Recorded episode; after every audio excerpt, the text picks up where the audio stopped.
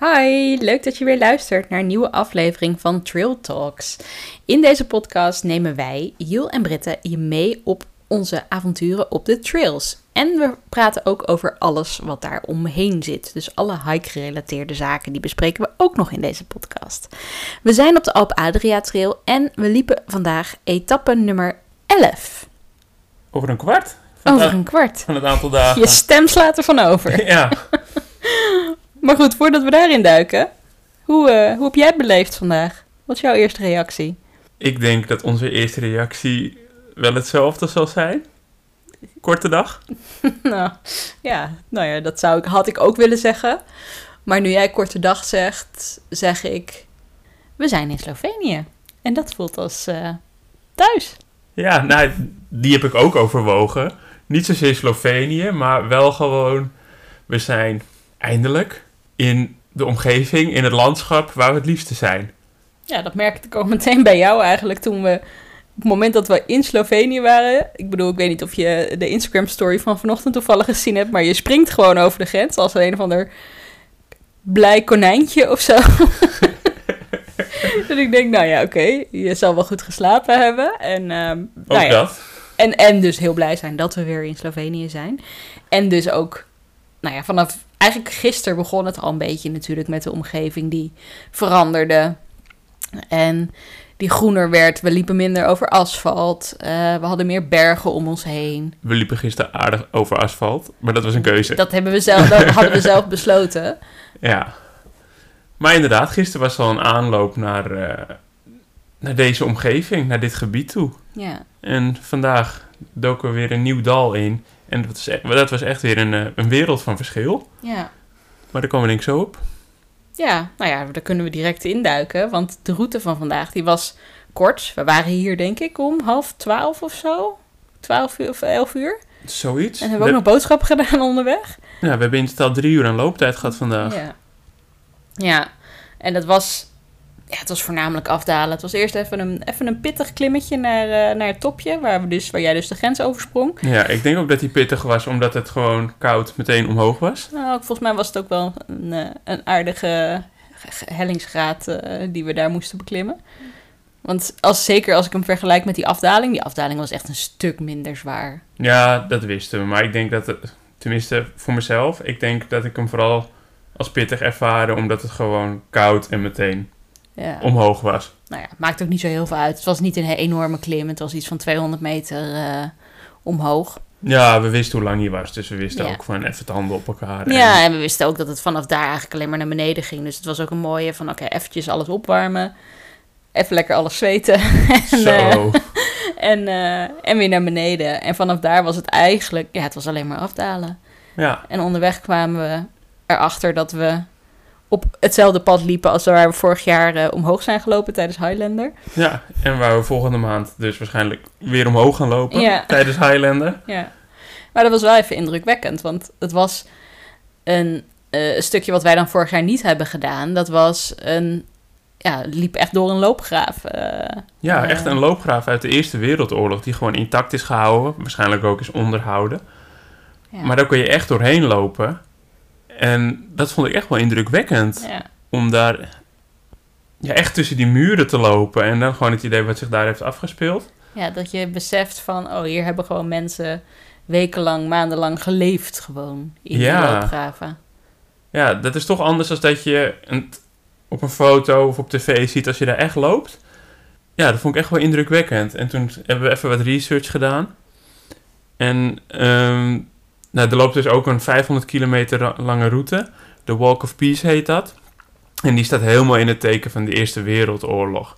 En langs de route kom je dus allemaal historische monumenten, overblijfselen uit de oorlog tegen. Want sowieso, dit gebied, dat wisten we wel, dat is echt enorm... Er is nog- eigenlijk nog best wel veel terug te vinden over de Eerste Wereldoorlog. Omdat er enorm gevochten is in deze regio. Ja. En daar zie je echt nog best wel veel van terug. Nou, ook in dit soort dingen, maar ook heel veel musea. Of we hadden, we spraken vorig jaar iemand en die zei zelfs van... Oh ja, je kan daar zelfs, hier en daar vind je nog wel eens eh, oude kogels, of eh, weet ik het wat. route. Kanonsresten, resten van kanonnen en Ja. ja, heel apart. Ja, nee, maar dat, dat, dat, die historie is hier gewoon heel erg nog aanwezig eigenlijk. Of in ieder geval wordt die goed gecultiveerd. En nou ja, dat, daar liepen we dus langs. Ja. En toen gingen we weer naar beneden. Toen begon het afdalen. Ja. Een nieuw dal in. En ja, we kenden het dus al. Alleen jij had zoiets van, ik, ja, jij herkende het niet echt. nee, maar dat vind ik zo'n mindfuck. Als je eh, de andere kant op loopt. Ja. Ja, weet je, je kijkt... in- Ja, Je moet soms even achterom kijken en dan denk je van... Oh ja, wacht even, hier, hier zaten we toen. Oh, ja, hier zaten toen mensen te drinken. Want het was toen echt bloedheet. Dat hielp natuurlijk ook niet. Dat het, het was nu echt super mistig en koud en regen. Nou, het regende toen nog niet, maar het was wel... We konden gewoon eigenlijk niks zien. Het was echt super mistig. Nee. En toen we daar voor het eerst waren, of toen we daar de vorige keer waren... Toen was het super zonnig, heel warm. Ja, het was een hittegolf. Ja, Maar goed, nu vooral. Ja, ik moest echt omkijken. En mijn best doen om iets te herkennen. ja. Omdat je de andere kant op loopt. Ja, ik kijk... Toen ik de vorige keer daar omhoog liep... ja ben je ook alleen maar bezig met... Ik kijk niet achterom. En nu had ik constant keek ik naar dat stuk... Wat ik de vorige keer eigenlijk niet als aanzicht heb gehad. Nee, nee, dat is ook zo. Maar ehm, ja, dan, dan loop je dat dal in. En dan merk je toch weer dat je in een andere omgeving bent. Ja. Het voelt meer aan alsof je in de Alpen bent. Ja, je had ook heel veel rotsen op de paden. In plaats van alleen maar modder, waar we gisteren nog best wel veel last hadden eigenlijk van dat de grond heel vochtig was. Hadden we hier, ja, we hadden wel hier en daar wat bladeren en, en nattigheid en zo. Maar veel meer rotsen eronder, veel meer, ja, hele andere, hele andere ondergrond gewoon ook. Ja, en ja, de beekjes, de stroompjes, die, Ja, echt veel water. de sketchy bruggetjes. Ja, ja, ik haat bruggen, echt. ja, jij bent er geen fan van. Maar ik vind dat alles bij elkaar, ja, dat... Ik heb nu ook Het is wel echt een mooie, het is wel mooi. Ik snap wel, het is van een soort van mystiek betoverend met, de, met, de, met die kabbelende beekjes en, die, en dat groen. En ja, dat snap ik wel. Alleen Ja. ik haat gewoon bruggen. Ja. Ik vind bruggen gewoon eng. Ja, nou ja, goed. Je kan er niet altijd omheen. Zeker niet. Ze zijn er vaak niet voor niks. Al kom je ze hier ook wel tegen dat je denkt van nou weet je, als je het niet erg vindt, pak ik gewoon het pad wat ernaast loopt. Ja, maar ja, dit is de omgeving waar we graag zijn. Ja, Dus daardoor heb ik echt ook nu een beetje weer het gevoel van, nu gaan we echt beginnen, weet je. Nu ja komen we echt in het bergachtige gebied. En ik kreeg ook echt heel veel energie weer. Ook, ik was niet moe, weet je, korte dag. Dus Nee, ja, super korte dag. Eh, we hebben nog geen. eh, nou ja, eh, het was 10 kilometer plus het stukje naar de accommodatie, wat net van Ja, de route nou, we, aflag. zeiden, we zeiden net al, we hebben er eh, drie uur over gedaan. Ja, maar 11 kilometer ook maar. Dus het was, dan hebben we er nog lang over gedaan. Maar dat komt omdat natuurlijk een pittige.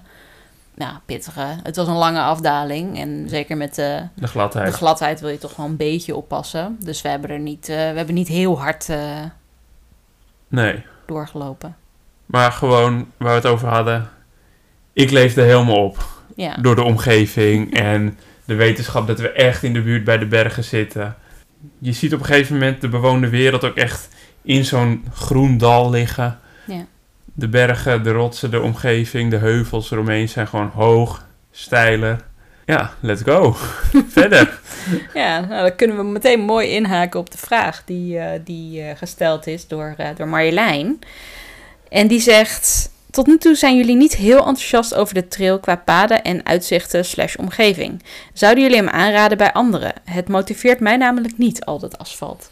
Ja, Nou ja, ik snap hem heel goed, want we zijn natuurlijk ook niet heel enthousiast geweest over de route. We hebben best wel mooie dingen gezien. En we hadden het vandaag nog over het National Park wat in etappe 2 zat, wat echt heel mooi was. Dat was dus eh, eigenlijk bij het begin vlakbij, bij, ehm bij Mujia. En voor de rest hebben we gewoon ook niet zo heel veel met deze omgeving. En dat wisten we, daarom hebben we hem ook omgedraaid. Daarom hebben we ook gezegd van we lopen van zuid naar noord. Juist omdat we ja, ergens naar uit willen kijken. En, en, vooral willen kijken naar. ehm, ja, willen eindigen eigenlijk in het stuk in de bergen. En niet zozeer langs de kust. nee, precies. En nou, misschien zijn we wel te negatief geweest over de. Weet ik niet. Ik denk ook dat het de samenloop van omstandigheden is geweest. Ehm, we zijn vroeg in het seizoen. De wijnvelden waren mooi. Ja. Maar omdat we zo vroeg zijn, stelde dat ook nog niet zoveel voor. Nee, maar ik bedoel, de wijnvelden begonnen eigenlijk pas twee, drie etappes geleden. Drie, vier misschien. En daarvoor hadden we ook, hadden we, hadden we, waren we ook niet super enthousiast, zeg maar, over de etappes. En dat komt ook omdat er veel asfalt in zat. Ik vond dat ook best wel veel in het begin. Ja. Dat er meer asfalt was dan nog geen asfalt eigenlijk. En de laatste paar etappes was dat wel minder. Ik weet niet hoe jij dat hebt ervaren. Ja, maar ik kijk wel iets anders tegen de vorige etappes aan. Ik denk dat je het wat meer in perspectief moet zi- zien met ook het seizoen waar we in zitten. Het was allemaal niet zo wauw als, zo wauw als we echt in de bergen hebben. Maar zoals ik net zei, het is nog vroeg in het seizoen. Nog niet alles is volgroeid. Eh, we hebben best wel veel wijnvelden gezien waar je nog veel aarde zag. Mhm. En die wijnvelden, het gebied, het, het is echt prachtig. Mhm. Maar tegelijkertijd, het is niet heel variërend. Het is wel weer veel van hetzelfde. En de hoeveelheid asfalt...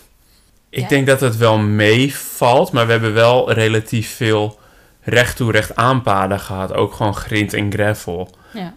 En ja, dat is niet spectaculair, maar dat kan je ook niet verwachten op een tocht van 850 kilometer. Dat het alleen maar op en neer, op en neer, op en neer is en op, ach- om elk hoekje een verrassing zit.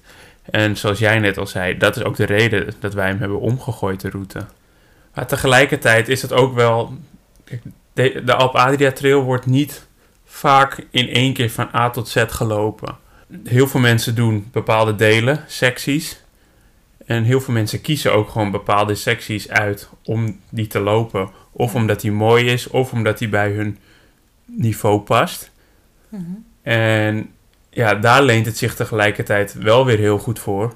En dat is ook hoe die het meeste wordt gelopen. Dus dat wij hem nu in zijn geheel lopen. Ja, ik weet niet of, of dat per se aan te raden is. Ik denk dat er.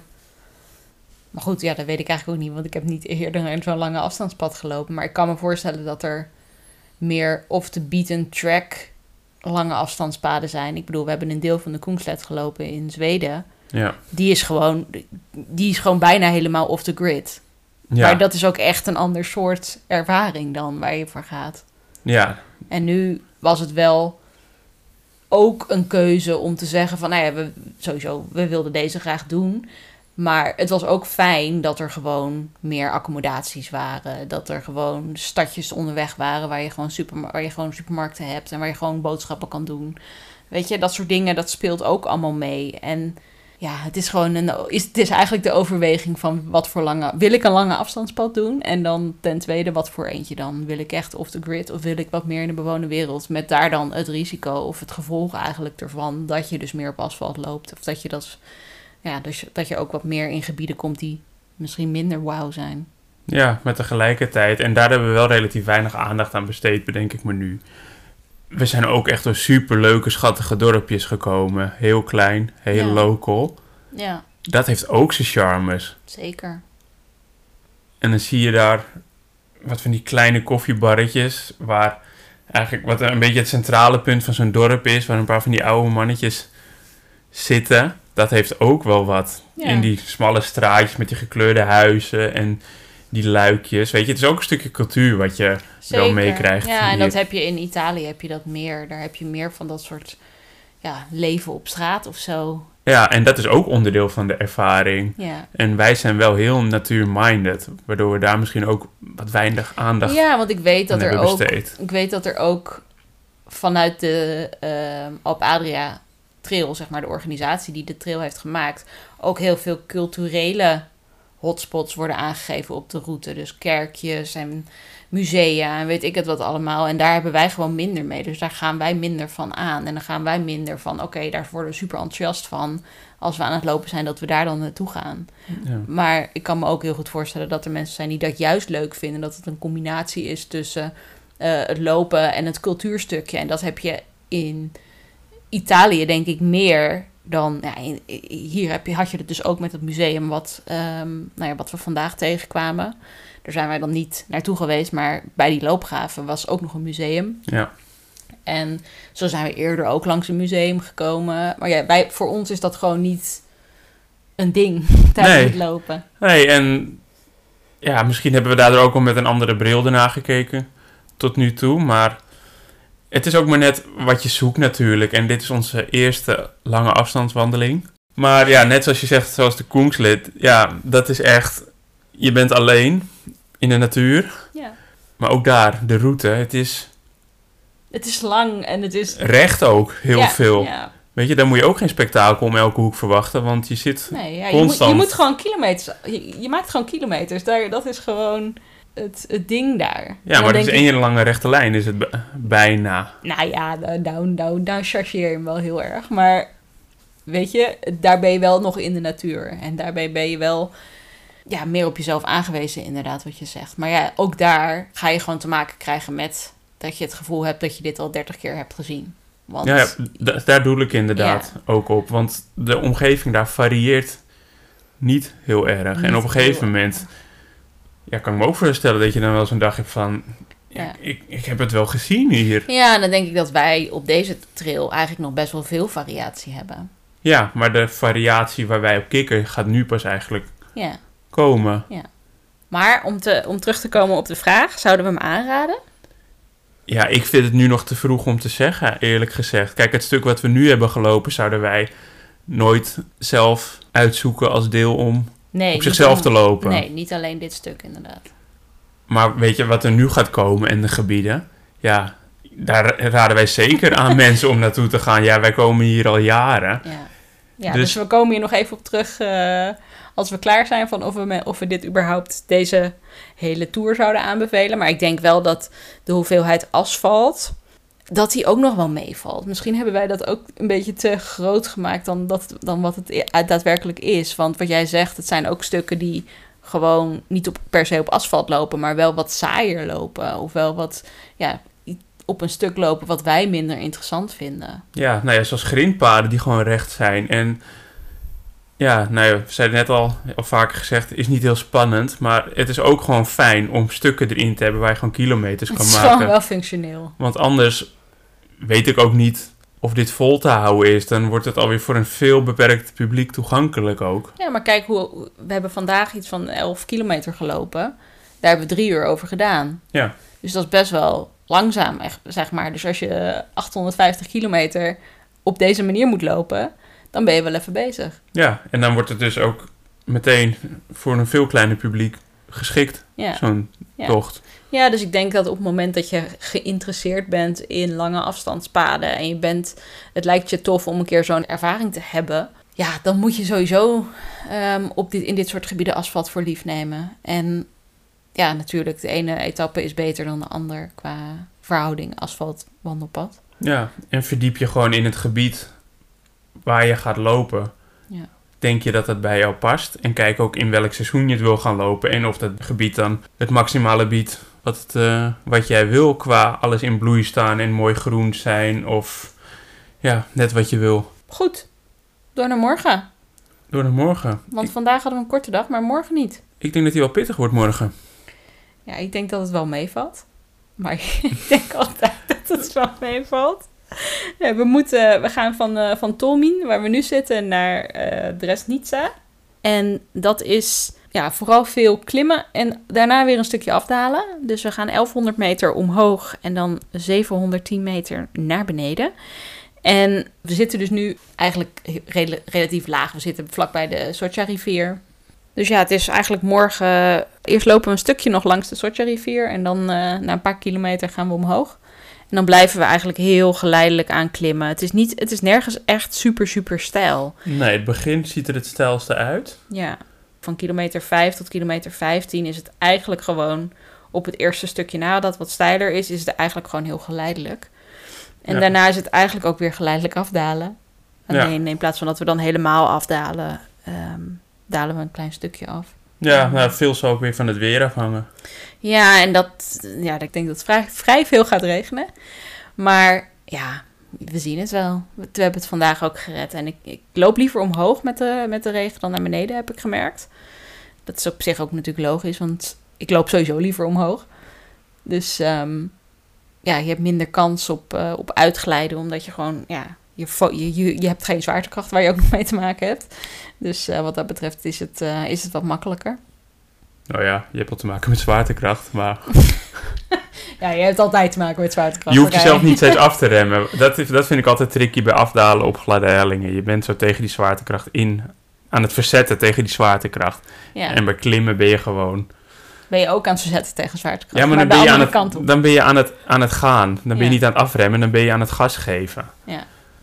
En dat scheelt gewoon een hoop, vind ik altijd. Maar eh, ja, we gaan het zien. Het lekkere is inderdaad wel dat het eerste stukje het stijlste is.